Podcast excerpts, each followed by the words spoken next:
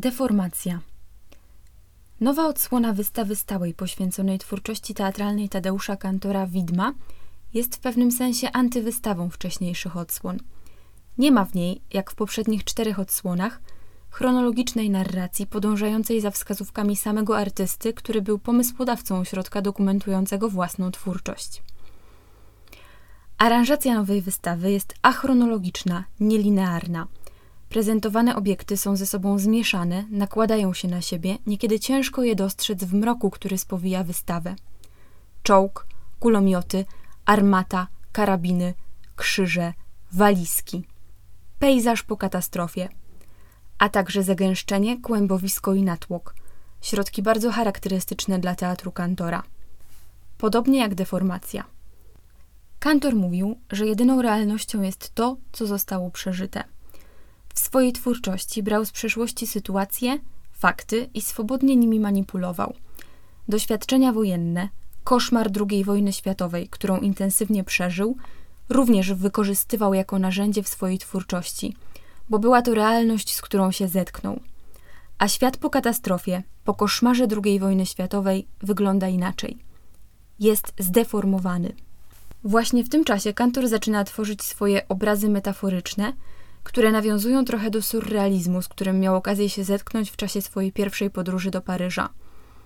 Na obrazach metaforycznych ludzkie postacie poddane są silnej deformacji, splątane, odkształcone w rozkładzie, w destrukcji przez koszmar wojny.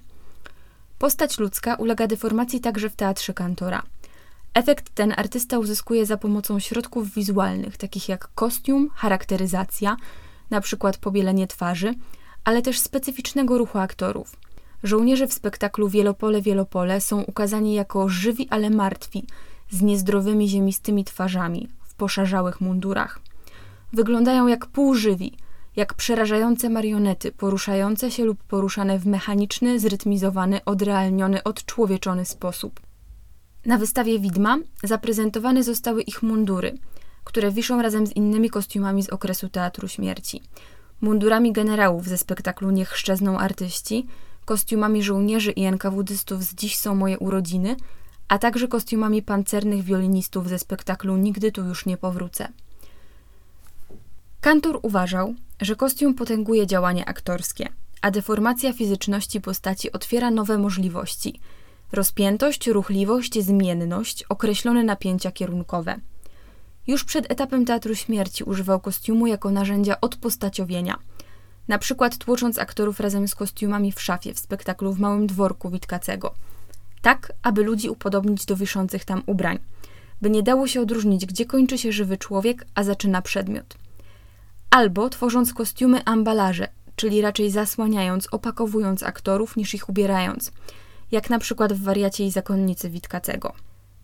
Z idącą jeszcze dalej deformacją, rozczłonkowaniem, mamy do czynienia w spektaklu Kurka Wodna, również na podstawie sztuki Witkacego.